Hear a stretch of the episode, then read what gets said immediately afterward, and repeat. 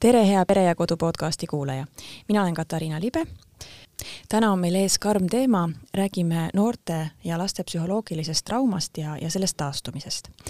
ja mulle on külla tulnud Sotsiaalkindlustusameti kinniste lasteasutuste teenuste juht Ene-Liis Linnas ja Laidi Surva, kes on Justiitsministeeriumi projekti Nooresõbralik õigussüsteem juht. nii, te tulete siia ajendatult ühest ähm, konverentsist mis siis käsitles eh, traumakogemusega laste ja noorte toetamist. mis te usute, kui suur eh, kasutegur sellel konverentsil oli?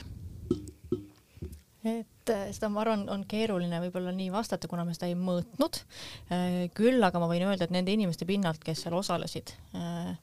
see pani väga mõtlema. Mulle tundus, et seal oli üle kahesaja inimese, kes seal osalesid.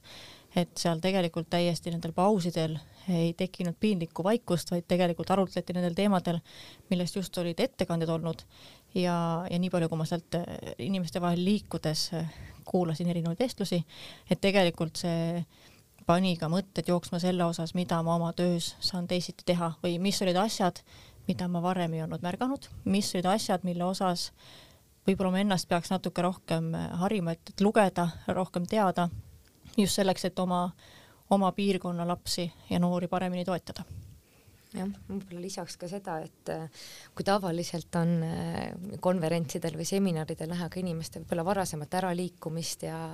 siis meie konverentsil ikkagi ma julgen öelda, inimesed olid lõpuni ja isegi võib-olla üle aja, kui oli vaja olla, et huvi oli väga suur ja meie Hollandi ekspert, kes meil käis ka ettekannet tegemas, kes on meil varasemalt ka Eestis käinud, äh, nentis, et äh, võrreldes, ma ei tea, seitsme aasta taguse ajaga, siis inimesed tõesti tundusid huvitatud, võib-olla küsisid rohkem küsimusi ja, ja nagu Laidi ka juba enne mainis, et see sumin, kui palju need osalejad mõtlesid seda, et ma ei tea, miks need lapsed nii käituvad ja mida mina saan äh, inimesena ära teha, et asjaolud paraneksid kui me räägime traumast, siis millest me üldse räägime, mis on äh, trauma definitsioon? ma eeldan, et me räägime psühholoogilisest traumast. Äh, jah, et ma arvan, et seda raamat võib ka mitme kandi pealt vaadata, ma ise ei ole taustalt psühholoog, aga et nii palju, kui ma ise olen aru saanud ka selle konverentsi pinnalt, et need traumad on tihtipeale nii-öelda, need ei ole selline võib-olla ka eks ju suur autoõnnetus, oled pealt näinud kellegi surma või on midagi sellist suurt juhtunud elus, et see võib sulle põhjustada trauma aga et mis võib-olla mulle endale ka natuke sihuke üllatuslik oli, et see trauma võib nii-öelda kasvada väikestest asjadest kokku traumaks, et kasvõi näiteks see, et eh, kui sul kodus ei ole soojust, see võib põhjustada lapsele trauma, et, eh, et see, ma arvan, et see konverents andis ka võimaluse just rääkida nii-öelda sellest poolest trauma osas, mida me võib-olla ei oska märgata või tähele panna või millele me igapäevaselt ei mõtle, et me oleme harjunud mõtlema sellele, et trauma on midagi suurt, mis juhtub ma ei tea, sa langed ohvriks, äh, ma ei tea, vägivalla ohvriks näiteks, mis ilmselgelt põhjustab trauma. aga et see trauma võib ka tulla sellest, kui äh, nii-öelda su ema sind ei hoia, et ta ei anna sulle, ta ei kallista sind näiteks äh, igapäevaselt või et ta, ta ei küsi, kuidas sul läheb, et, äh, et see väikene selline väiksest traumast lõpuks kasvab üles midagi, mis hakkab mõjutama ühe inimese elukäiku et ma arvan, et see on see, millele me varem ehk ei osanud nii palju mõelda. ta võib olla kas ühekordne sündmus äh, või siis sündmuste jada, mis mõjub inimesele selliselt võib kahjulikult või ähvardavalt ja noh, pikas perspektiivis siis äh, mõjutab ka inimese toimimist ja heaolu mm. -hmm. no nüüdseks on ilmselt Eestisse jõudnud juba ka hulk äh, sõjatraumaga lapsi Ukrainast. kas meil on valmisolek ka neid aidata? Ma arvan ja usun, et meil on väga suur valmisolek äh, aidata äh, neid, äh, neid lapsi ja noori, kes on siis Ukrainast Eestisse jõudnud. ma arvan, et süsteem, et see oleks jah, süsteemne ja järjepidev, mida tegelikult traumat kogenud noored vajavad, see vajab kindlasti üheskoos läbimõtlemist ja, ja erinevate spetsialistide koostööd aga valmisolek ja noh, näha on ka sellist eestlaste tahet nii vabatahtlikuks tööks, nii oma töö kõrvalt äh, teha neid teisi ülesandeid, et äh, ma arvan, et tahe on väga suur kas sõjatraumaga tegelemine vajab eraldi spetsialiseerumist, kas, kas sõjatrauma spetsialiste on Eestis? Ma arvan, et ta vajab kindlasti lisateadmisi, äh, kuivõrd noh, igapäevaselt me ei, me ei ole ju selliste teemadega tegelenud, mis just äh, sõda inimestele põhjustab. võib-olla trauma baas, ma arvan, on sama, aga kuivõrd on ka see nii vahetu, kui me räägime nii-öelda Ukrainast äh, tulnud inimestest, siis ta vajab, ma arvan, lisateadmisi ja Eestis praegu tegeletakse juba noh, sellest ajast peale, kui kõik on alguse saanud, psühholoogilise abi nii-öelda et kuidas seda laiemalt pakkuda, kuidas pakkuda psühholoogilist esmaabi, mida saab tegelikult teha igaüks meist, neid koolitusi, neid teavitusüritusi, neid kaasamisi on väga palju olnud, et, et iga inimene suudaks esmatasandil tegelikult toetada. -hmm, et soovitate minna psühholoogilise esmaabi koolitusele? mina küll soovitan, jah. Äh, rääkisime sellest, kuidas trauma tekib, aga kuidas trauma siis hiljem käitumises avaldub? Millised käitumismustrid viitavad sellele, et, et, et laps või noor on võib-olla saanud trauma? ma arvan, et siin on, äh, oleks hea, kui sellel oleks üks selline sümptom, et siis sa tead, ahah, sellel inimesel on olnud trauma, et äh, ma arvan, et kõige kurvemad juhtumid on need, kus see kuidagi ei avaldugi. et kus inimene hoiab seda kiivalt enda sees vahel aastaid ja, ja me tegelikult ei teagi, et sellel inimesel on valus ja raske ja, ja võib-olla nii-öelda jõuame selleni kord siis, kui äh, täiskasvanuna juba, et inimene näiteks ei, ei tule tööl toime, ta ma ei tea, põleb lõpuks läbi ja kui hakkad siis nagu harutama neid asju, et, et asi pole selles, et töökoormus on suur, vaid kokkuvõttes seal tegelikult taga on midagi, mis on juhtunud lapsepõlves, et siis sa nagu tagantjärgi targana võid öelda, ahah, tegelikult eh, oleks ma seda enne teadnud, poleks asju teisiti teinud aga et ma arvan, et see raskus ongi selles, et äh, sellel pole selliseid sümptomeid nagu, nagu üks-üheselt. aga noh, mida me ise näeme, mis äh, no ütleme näiteks justiitsvaldkonnas me, eks ju, puutume kokku õigust rikkunud äh, laste ja noortega, et me, suurem osa neist lastest, kui mitte öelda kõik, on mingil viisil lapsepõlves kogenud traumat. et, et noh, kui me oskaksime juba äh, nii-öelda nagu tavaliste laste puhul äh, tähele panna mingeid väikseid märke ja oskaksime neid aidata enne, kui äh, kui nad näiteks riskikäitumisega kas siis ennast vigastavalt või, või teisi vigastavalt äh, nii-öelda peale hakkavad, et kui me oskaksime enne sekkuda, ma arvan, et me suudaksime ära hoida palju, palju halba, mis täiskasvanu eas võib tulla. jah, kui, kui mina mõtlen nii-öelda kinnise lasteasutuse teenuse vaatest, kuhu kus meieni jõuavad siis noored, kes käituvad tugevalt kas endale või teistele ohtlikult ja seetõttu tekib nende vajadus, äh, vabadust piirata, siis noh, me näemegi, et see kuidagi käitumine jaguneb kuidagi kahte gruppi, et ühelt poolt äh, me räägime noortest, kes käituvad äh, võib-olla rohkem teisi kahjustavalt, ehk siis käituvad agressiivselt kas inimeste vastu, vara vastu või siis rohkem endale. Äh, kahjulikult, on enesevigastamised, suitsiidikatsed ja noh, sinna mõlemale poole lisandub ka, ma ei tea, sõltuvusainete tarvitamine, mis noh, aitabki neil tegelikult ju täna tulla toime sellega, mis nende sees toimub, sest nad ei oska äh, kuidagi paremal viisil siis äh, selle valu, mure ja hirmuga toimetada. kas agressiivne käitumine ja sõltuvuskäitumine viitab siis alati traumale? Ma arvan, ma julgeks nii üheselt öelda, küll aga kui ma vaatan jälle meie noori, kes äh, meie vaatevälja jõuavad, siis äh, ma julgen küll öelda, et kõik need lapsed on mingil viisil elu, elus traumat kogenud. on nad siis äh, perevägivalda näiteks pealt näinud, on nad ise olnud väärkohtlemise ohvrid, hooletuse jätmise ohvrid, koolikiusamise, et tihtipeale on seal nagu mitmete traumade koosmõju ja samas ka, mis on hästi oluline, et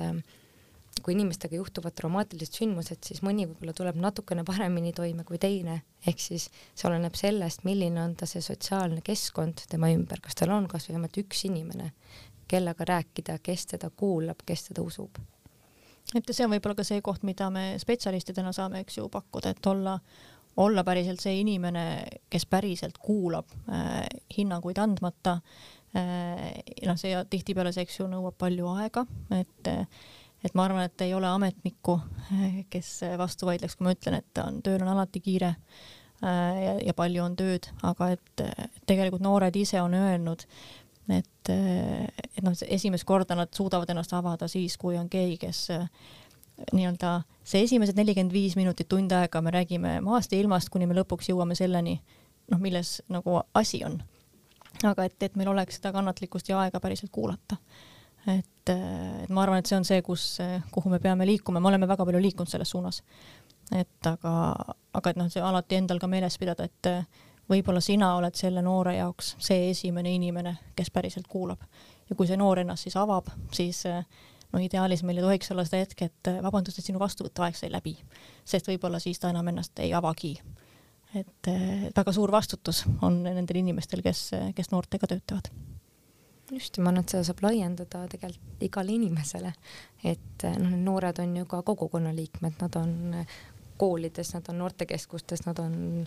külas, et, et iga inimene, kes noorega kokku puutub ja näeb, et ta käitub võib-olla natuke teistmoodi või ta käitub, ma ei tea, täiskasvanule tundub, et see ei ole täiesti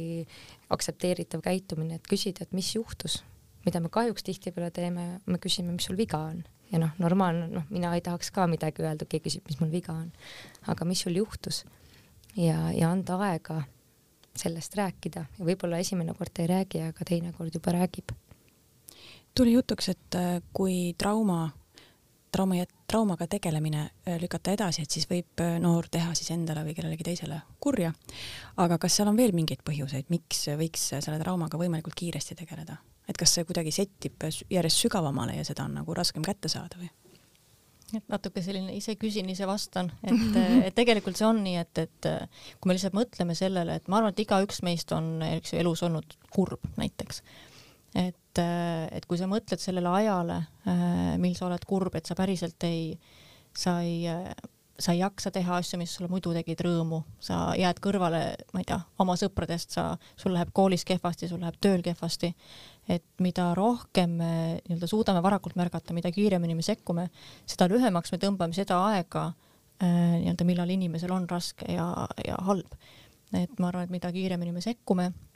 seda pikemat äh, rõõmsat elu see inimene saab elada, et ma arvan, et see on üks selline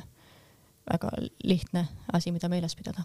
just, et mida hiljem me sekkume ja kui me seda kõike nagu viivitame, seda kauem võtab ka tegelikult aega see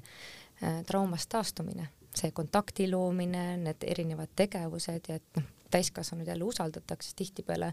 see trauma ju noortel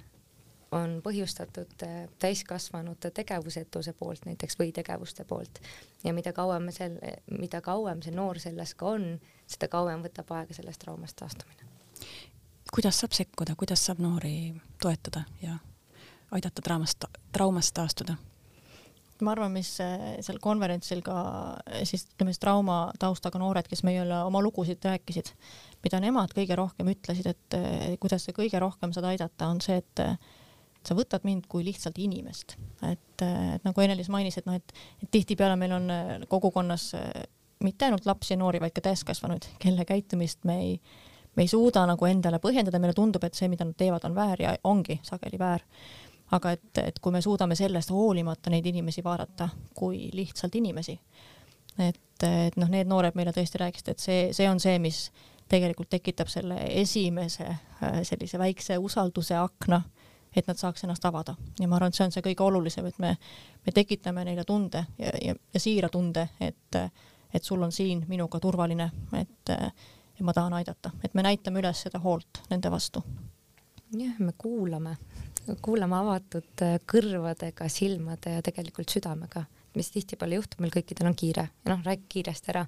aga noh, nii me ei jõua mitte kuskile, et oluline on võtta see aeg, eriti kui see nii-öelda noore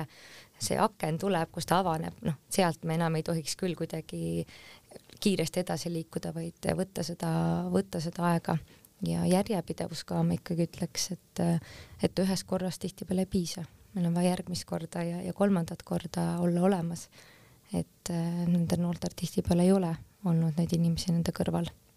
mis mulle konverentsilt veel meelde tuli, selline võib-olla täiskasvanu enda hea mõtlemiskoht, et kui ma, kui ma näen, et noor käitub kuidagi viisil, mis minul ei ole, mulle tundub näiteks ebakohane, siis et selle asemel, et mõelda, et ma ei tea, see noor tahab mulle halba või manipuleerib, noh tihtipeale öeldakse, et noored manipuleerivad, vaid kui me mõtleks nii, et, et mis vajadus sellel noorel on, kui ta käitub sellisel viisil, järelikult tal on mingi vajadus või siis mingi vajadus on katmata, mida me täiskasvanute tegelikult äh, teha saame. kas need noored võivad vajada pikaajalist psühholoogilist abi ja kas on võimekust neile seda pakkuda? ma arvan, et äh, kindlasti psühholoogiline abi on äh, väga tervitatav ja teretulnud, aga ma ei tea, kaks aastat, kui mina olen selles valdkonnas töötanud, siis see suhe on kõige olulisem, et oleks vähemalt üks täiskasvanud inimene, kes usub sellesse lapsesse, kes tegeleb selle lapsega, kes kuulab seda last. et äh, ma arvan, et see on võib-olla kõige alus ja siis noh, see valmisolek peab olema ka sellel noorel seda psühholoogilist abi vastu võtta, et kui need täiskasvanud võib-olla tema eluteel on teda nii palju alt vedanud, ega noh, ta ei võta ka seda psühholoogilist abi vastu, et vähemalt üks täiskasvanu peab just see aken olema, et, et noor oleks valmis teiseks abiks ka. Ja minu meelest siin see selline nagu trikikoht on see, et et tihtipeale see üks inimene, kelle, kellega tal tekib siis see hea kontakt, ei ole mõni spetsialist, et see võib-olla näiteks on, ma ei tea, naabrimees, kes noh, kes lihtsalt juhtub olema see esimene inimene, kellele sa hommikul tere ütled, kui sa kooli lähed ja, ja õhtul, kui sa nii-öelda tagasi koju tuled. Et ja need vestlused, mis sa võib-olla pead, ongi nagu erinevatel eluteemadel ja tegelikult see on see ainus inimene, keda sa usaldad, et, et me peaksime suutma ka nii-öelda toetada neid inimesi, kes on nendeks õigeteks täiskasvanuteks noorte kõrval. Et ja minu arust on nagu on ühtpidi keeruline, teistpidi kerge on see, et, et need noored tegelikult ise valivad välja selle inimese enda jaoks et, et miks ta on kerge, on see, et, et noh, meil on väga lihtne, et me lihtsalt, eks ju, teame siis selle noore vajadustest ja, ja, ja soovidest lähtuvalt, ahah, see on see inimene, kellega me peaksime nagu rohkem koostööd tegema. miks on keeruline, on see, et, et tihtipeale nagu me ei, me ei leia neid inimesi üles, nad ei ole nagu inimesed meie seast, ametnike seast näiteks. et kuidas sa nii-öelda äh, aitad toetada siis seda naabrimeest, et tema saaks toeks olla omakorda sellele noorele. ja kuidas me teeme niimoodi, et nii-öelda, et see toetav täiskasvanu ei väsiks, et noh, meil nii-öelda spetsialistidena meil on see mitteväsimine töö sisse kirjutatud, aga et et nüüd tavakodanike mõttes see, eks ju, ei ole. ja võib-olla sama mitteväsimine, ma just enne jäin mõtlema, et kui Ene-Liis rääkis äh, nendest noortest ja nende vajadustest, et me tihtipeale ilmselt mitte tahtlikult, aga me unustame ka ära selle, et mis on nende spetsialistide vajadused, kes neid noori toetavad et meil, et meil need suure südamega inimesed läbi ei põleks, et äh, nende töö ei, see on äärmiselt väärtuslik ja, ja äärmiselt palju rahuldust pakkuv töö. aga see on ka äärmiselt raske töö. et kuidas me hoiame neid selliselt, et nad teeksid äh, tulihingeliselt, aga mitte läbi põledes äh, seda noorte toetamise tööd. kas teil on siis pakkuda mingeid nippe või mingit abi nendele täiskasvanutele, kes siis satuvad olema nende noorte tugiisikuteks täiesti juhuslikult? ma arvan, et see on nagu noh, osaliselt on selline mingisuguste noh, töömudelitega on, on kaasa tulnud, et noh, Eestis on näiteks kasutusel selline koostöövorm nagu Ringist välja, kus äh, nii-öelda riskikäitumisega silma jäänud noore ümber punutakse selline võrgustik enamasti spetsialistidest võrgustik, aga et kui sealt tegelikult eh, jääb silma, et selle noore elus noh, näiteks ainus inimene, keda ta usaldab ja kellest ta heade sõnadega räägib, on näiteks ta vanaema, siis see vanaema kaasatakse sinna spetsialistide ringi, sest eh, nii-öelda selle spetsialistide ringi kaks suurimat spetsialisti tegelikult on see noor ise, kes tegelikult teab oma lugu, ta vahel ei oska sellest rääkida ja vahel läheb aega, enne kui ta räägib, aga tema teab. Ja on seesama vanaema, kes, kes on see ainus inimene siis, kellega sel noorel on kontakt. et läbi selliste koostöövõrgustike me iseenesest saame neid inimesi toetada. Ja võib-olla teine pool on see, et, et lihtsalt tõsta sellist üldist teadlikkust sellest, et me oskaksime märgata neid noori, et me oskaksime väärtustada ennast nende märkajatena ja et tegelikult äh, nii-öelda üritused nagu see konverents, et, et me tegelikult, meil on juba nagu koolitusi ja seminare ja, ja raamatuid, kust õppida selle kõige kohta et ma arvan, et see on, on palju ka iseendas kinni mm. -hmm. mis te arvate, milline olukord meil on praegu Eestis, kas, milline on Eesti praktika traumakogemustega laste ja noorte osas, et kas me oskame ära tunda traumat ja kas me oskame sellega tegeleda piisavalt hästi? mulle endale tundub, et me saame aina paremaks selles valdkonnas, ja, ja kui võtta seda konverentsi kogemust ja, minu meelest Norra noored küsisid seda, et kuidas teil on Eestis sellega. ja siis me ütlesime, ei, ma arvan, meil on juba päris hästi, et, et me oskame, me oskame juba märgata ja siis ta küsis, aga kas te oskate ka adekvaatselt sekkuda ja kas te sekkute.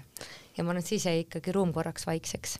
et äh, ma usun, et me juba märkame palju paremini, aga võib-olla on vaja veel süsteemsemalt mõelda, kuidas sekkuda nii-öelda noorte vajadustest lähtuvalt ja kõige suurem küsimus on, ma arvan, mida mina näen, et eh, kuidas ka noort kaasates sekkuda, et me tihtipeale võib-olla spetsialistidena, üldse täiskasvanutel mõtleme, me teame, mis on nendele noortele hea ja vajalik, aga kui oluline on kaasata ka noort tervikprotsessi, ka nende sekkumiste kaardistamise ja pakkumise protsessi, kui me tahame, et noor võtaks abi vastu, teeks neid erinevaid tegevusi, mis me talle soovitame, siis ta peab olema selle otsustusprotsessi osa et ma arvan, et see on üks kindlasti üks nii-öelda, mida me võiksime norrakatelt õppida, et need et Norrast käisid meil konverentsil rääkimas äh, sellise organisatsiooni nagu Change Factory esindajad, kes kõik on tegelikult äh, siis omas valdkonnas äh, mõnes mõttes nagu kogemusasjatundjad või kogemuseksperdid. et noh, meie, meile käisid rääkimas, eks ju, siis traumataustaga noored, kes, keda kaasataksegi täiesti äh, ametlikult seaduste väljatöötamisse, teenuste disaini äh,, olemasolevate süsteemide ümberkorraldamisse, ehk siis lapsed ja noored, kes ise on päriselt äh, nii-öelda olnud süsteemis, et nemad oskavad väga täpselt näidata ära need kohad, kus nemad läbi võrgu kukkusid, et me tihti, nagu Ene-Liis ütles, me tihti täiskasvanutena, eks meil ongi rohkem kogemusi, me arvame, et me teame rohkem, aga me võib-olla unustame ära selle, kuidas me nägime maailma lapsena ja et, et kui me kaasaksime rohkem neid lapsi, kes täna on lapsed, kes täna kogevad neid asju, mida siis teenused või süsteem või inimesed neile pakuvad, et seda rohkem me oskaksime teha paremaks kõiki oma teenuseid. milline on ideaalne tulevikustsenaarium selles valdkonnas? meil kõigil oleks rohkem aega ja raha ja et, et eks need on tüüpilised vastused, et eks ju, et ma arvan, et see et siin on, me oleme palju liikunud edasi selle osas, et me vähemalt teadvustame teemat, aga need, need võib-olla, kus me, kus see ideaalmaailm jääb natukene vajaka, on, on just seesama, et kas täna kõik need, mitte ainult noored, ka täiskasvanud, et kas täna kõik need, kes vajavad näiteks vaimse tervise teenuseid, kas neil on sinna päriselt ligipääs, et ma julgen öelda, et ei ole. et võib-olla see on natukene lihtsam inimestel, kelle rah rahakott on natukene suurem, aga et mu enda süda küll valutab nende inimeste pärast, kellel noh, kelle igakuine sissetulek lähebki ära toidu ja üüri peale ja, ja kogu see raha, mis tegelikult võiks kuluda või no täna ka peaks kuluma siis vaimse tervise teenustele, seda neil ei ole lihtsalt. et, et ma ise nagu väga muretsen selle pärast, et noh, selles mõttes on ka hea, et kui me nii-öelda, me eks peame panustama nendesse teenustesse, mida pakkuda inimestele, kes on haiget saanud aga et mida rohkem me suudame panustada ennetusse, mida rohkem me oskame kasvatada lastes äh, sellist äh, ma ei tea siis säilenõtkust ja et äh, tugevust selles mõttes, et, et ma tunnen ära, kui mul on paha, et ma oskan öelda, kui ma, kui mul,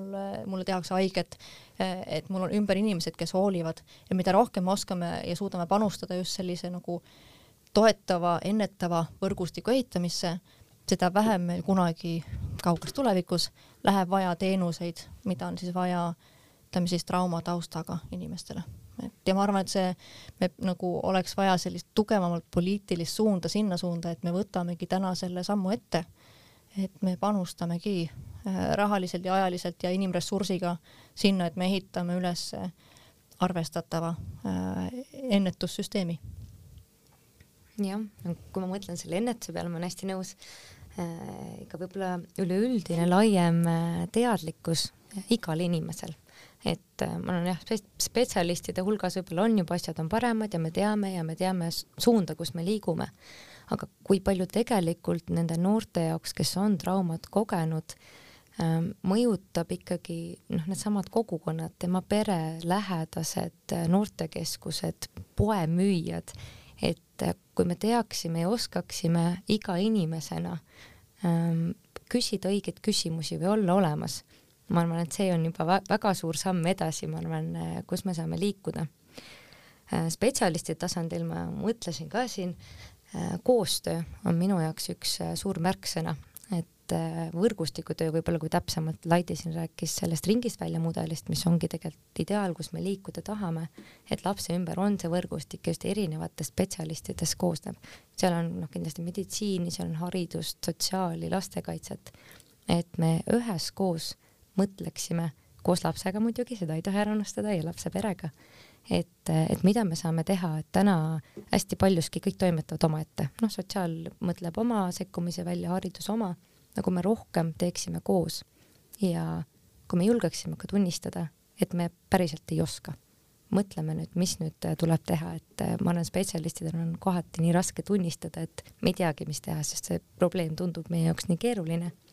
aga kui me rohkem ka toetuksime võib-olla teineteisele. ma haaraks kohe siit sellest mõttest kinni, et selle, ma olen nõus sellega, et meil on, et koostööd tuleb rohkem teha, et ma ennast olen tabanud mõnikord mõttelt, et me, me täna oleme juba täitsa head selles mõttes koostööd tegema, et me vahetame infot ja me hoiame üksteist kursis ja, ja lepime kokku enne, kui liigume. aga et mul on natuke tunne, et meil ei ole veel harjumust koos teha. et me oleme nagu, me suudame koos mõelda ja koos planeerida aga päriselt koos teha, sealhulgas kaasata seda last ja pere, et ma arvan, see on koht, kus meil veel on, oleks äh, õppida, aga et see on, ma arvan, see on üks kindlasti üks koht, mis, mis seal ideaalses maailmas äh, aitaks meil ära hoida traumasid ja aitaks võib-olla siis tegeleda ka nende tagajärgedega, mis, äh, mis võivad traumast tekkida kui palju te võtate tööd südamesse ja koju kaasa? kui palju on olnud selliseid juhtumeid, mis on ka teile endale raskelt mõjunud? Siin on raske vist mitte koju kaasa võtta, et veel ei ole, ei ole õppinud seda, mismoodi nagu aju välja lülitada. et ja ma arvan, et see on ka hea, et see ei ole, sest ma olen ise tabanud ennast, et ei ole, see ei ole, ma ei soovita kellelegi, aga et, et ma ise olen lihtsalt nagu mingitele probleemidele ja tööasjadele leidnud lahenduse unes. ma lihtsalt nagu noh, kuna päeval on, on kiire ja ei jõua kõigega tegeleda, siis tegelikult sa tead, et kuskil kuklas on mingisugune ajusopp, mis, mis sellega tegeleb ja siis sa jõuad unes selle lahenduseni. et ja me tegelikult jah, võtame seda tööd koju kaasa, et äh, lihtsalt trikk on selles, mismoodi seda pi nagu piiri pidada, et mitte läbi põleda mm. -hmm. ja ma arvan ka, et ilma südamesse võtmiseta või südamega tegemata, noh, me ei, me ei jõuaks väga kaugele. aga jah, see piiri pidamise küsimus, et mina arvan ka, et ma võtan väga palju tööd koju kaasa, aga, aga ma ei tea, ma arvan ka, mida kauem sa võib-olla oled ja tegeled nende asjadega, siis kuidagi piiri tunnetamise küsimus äh, läheb paremaks, et, et mitte nagu kakskümmend neli seitse tööst mõelda, sest noh, muidu me, me ei pea vastu lihtsalt, et nii oluline on see inimeste enesehoid, kes nende teemadega tegelevad. jällegi üks viis, kuidas natukene seda muret jagada, on jälle kolleegid, samamoodi see koostöö, võrgustikutöö teeme koos, et, et sa ei ole selles üksi Laidi, sa oled äh, projekti Nooresõbralik õigussüsteem juht, mida see tähendab, millega see projekt tegeleb? Äh, no selle projekt on selline nelja, noh natuke pikendame viieaastane projekt, ähm, mis on toetatud siis Norra kuningriigi poolt. ja selle eesmärk on siis nii-öelda kujundada meie ütleme siis kriminaaljustiits, sotsiaal- ja haridussüsteem selliseks, et need lapsed, kes puutuvad kokku õigussüsteemiga noh, suuremas osas siis õigusrikkujatena, aga, aga ka kannatanutena, et kui nemad puutuvad kokku süsteemiga, siis meie süsteem oskab neid selliselt kohelda, et me päriselt kuulame, et me päriselt äh, mõistame ja et me päriselt teeme asju, mis äh, lähtuvad nende vajadustest, et selles projektis on on palju fookust koolitustel, teadlikkuse tõstmisel, erinevate koostöömudelite arendamisel just selle eesmärgiga, et need noored, kes tegelikult noh, kõige suuremat tuge vajavad et nad oleksid hästi hoitud, et äh, olgu see siis kogukonnas või siis kinnises asutuses, et tegelikult äh, nii-öelda kuhu iganes nad satuvad, kes iganes on see esimene täiskasvanu, täiskasvanu, kes päriselt neid märkab, et ta oskaks seda noort toetada, et ma arvan, see on selline suund, kuhu me selle projektiga tahame jõuda. Äh, kui me selle konverentsi juurde tuleme nüüd lõpetuseks tagasi, kui palju see konverents tegeles ka selliste ühekordsete traumadega? Ja kas näiteks lein käib ka sinna alla? Et äh, lein kindlasti käib nende traumade alla ja et, äh, et eks need muidugi need ühekordsed traumad sealt käisid ka läbi, et nii-öelda selle äh, no näiteks no üks nii-öelda suurimaid ja väga sügavaid jälgi jättev trauma, seksuaalne väärkohtlemine, mis laste puhul kahjuks sageli ei ole ühekordne, vaid noh, halvemal juhul aastatepikkune ja, ja täiesti salajas tehtu. et rääkisime ka nendel teemadel ja rääkisime ka sellel teemal, et kui olulised on need esimesed kolm päeva pärast seda sellist ühekordset traumat. et, et kui oluline on nendel esimestel päevadel teha täpselt õigesti, et anda seda ruumi nii palju, kui see inimene vajab, küsida küsimusi, olla olemas, mitte olla pealetükkiv, aga samas sa pead, eks ju, seda tuge pakkuma, sest need esimesed kolm päeva on sellised, kus äh, nii-öelda inimlik on see, et sa ei taha abi, kuigi me tegelikult teame, et sa seda vajad et ehk siis äh, rääkisime ka tõesti sellest, et kuidas äh, reageerida nendel juhtumitel, kus on selline akuutne trauma ja kui tähtis see on, et, äh, et me nendel hetkedel inimesi üksi ei jäta. kui kellelgi kuulajatest on läheduses mõni laps või noor lähedaste hulgas, kellel just on parasjagu see esimesed kolm päeva käimas, siis kust ta saab selle kohta informatsiooni, kuidas ta peaks toimima? Ma arvan, et võib-olla üks selline kõige äh, võib-olla kiirem ja, ja kakskümmend neli seitse olemasolev lahendus on lasteabitelefon. et sinna saab helistada, saavad ka lapsed helistada ja sealt alati leitakse lahendus. et äh, ei pea ise suutma leida äh, kriisinõustajat äh,, eriti selles olukorras olles, et seal selles hetkes ka see lapsevanem või selle lapse lähedane on tegelikult kriisis. Et aga lasteabitelefon on see, kust kust leitakse abi. üks, üks, kuus, üks, üks, üks kui tundub, et mõni laps võiks vajada abi, et võib-olla tema minevikus on olnud trauma, siis kuhu pöörduda, lastekaitsesse või? ma arvan, et on äh, samuti lasteabitelefon, mis on kõige lihtsam meelde jätta. üks, üks, kuus, üks, üks, üks, et seal on tõesti inimesed, kes on, kes on ka vastavalt välja koolitatud suhtlema nii laste kui täiskasvanutega ja, ja leidma siis seda abi, mis, mis vaja võib minna just, ja sealt juba saab info edasi minna, kui on vaja lastekaitset kaasata, siis äh, saab lastekaitsesse info teada anda või politseid, kui on mingi akuutsem juhtum, et äh, nemad oskavad seal ka hinnata. et alati on äh, just kui Ene-Liis mainis, et kui on akuutne juhtum, et kui reaalselt on, ongi ohuolukord, siis ma arvan, et üks, üks, kaks on kõige mm, -hmm. kõige kiirem ja kõige õigem koht, kuhu pöörduda ja see jääb meelde ka lastele. Et ähm, et jah, et äh, oluline on, et ei oleks hirmu pöörduda, et ma arvan, see on ka üks selline äh, oluline koht, mida laste juures meeles pidada, eriti kui nii-öelda see, see trauma on seotud nende vanemate või, või lähedastega, et seal on selline noh, mõnes mõttes nagu vale häbi, et sa, sa võtad, sa kannad kogu selle pere vastutust väikse lapsena enda õlul et, et tegelikult oleks see julgus ka pöörduda, et sellest ei ole, ei juhtu midagi halba, kui sa helistad ja räägid, et no näiteks mu kodus on vägivalda, ma ei tea, mida ma teha saan. et äh, aga et see on hästi, see esimene samm on, on raske teha. et ja ma arvan, sellepärast on eriti oluline, et meie nii-öelda spetsialistidena oskaksime selle turvalise ruumi luua. et kui on see avanemise aken sellel lapsel või noorel, et siis me võtaksime selle aja ja kuulaksime. Kui mõni kuulaja tunneb nende teemade vastu huvi näiteks tegeleb laste ja noortega, siis kust ta saab rohkem, rohkem informatsiooni, kas mõni tore konverents on varsti jälle toimumas? tegelikult on küll, äh, see on küll suunatud spetsialistidele, aga et juuni keskel, kolmteist kuni kuusteist juuni on tegelikult toimumas selline rahvusvaheline lastekaitsekongress, kus on äh, nii-öelda üle maailma tulevad inimesed kokku ja räägivad äh, just lastega seotud teemadel, ütleme siis traumadest kuni siis õnnelike lapsepõlvedeni välja. Et, et see on kindlasti koht, kus eh, infot liigub ja ma arvan, et, et üks selline võib-olla siis ütleme, justiitsvaldkonna üks peamisi lehti, mis on hea meeles pidada ja on suunatud täitsa nii lastele kui peredele, on eh, lapsesobralik menetlus.just.ee, kus tegelikult saab infot selle kohta, et kui sa tõesti oled sattunud kas siis kannatanu või õig õigusrikkujana politsei vaatevälja näiteks, et siis sa sealt saad natuke lugeda, et mis sind selles protsessis ees ootab ja kelle poole pöörduda, kui, kui tahad lisaküsimusi küsida. jah, ja Sotsiaalkindlustusameti lehe pealt saab äh, meie teenuste kohta kindlasti rohkem infot ja noh, tegelikult ma julgen öelda ka tänapäeval internetis on päris palju informatsiooni, ma ei tea, traumateemadest, mis see on, kuidas teha, ma ei tea, noored versus täiskasvanud ja, ja raamatuid on ka tegelikult aina rohkem nendel teemadel ilmunud mm. -hmm. aitäh, Ene-Liis, aitäh, Laidi aitäh, armas kuulaja, et sa meid ära kuulasid. järgmine saade on üleval nädala pärast